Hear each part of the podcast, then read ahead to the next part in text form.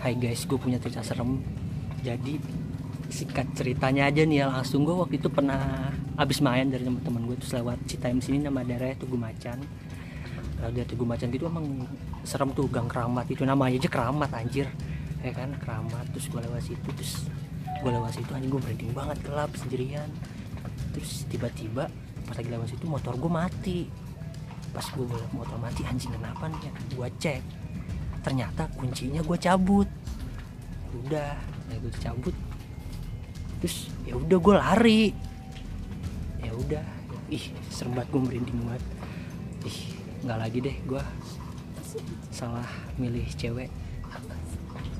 Nggak lagi deh gue nggak mau deh jatuh cinta ke orang yang salah lagi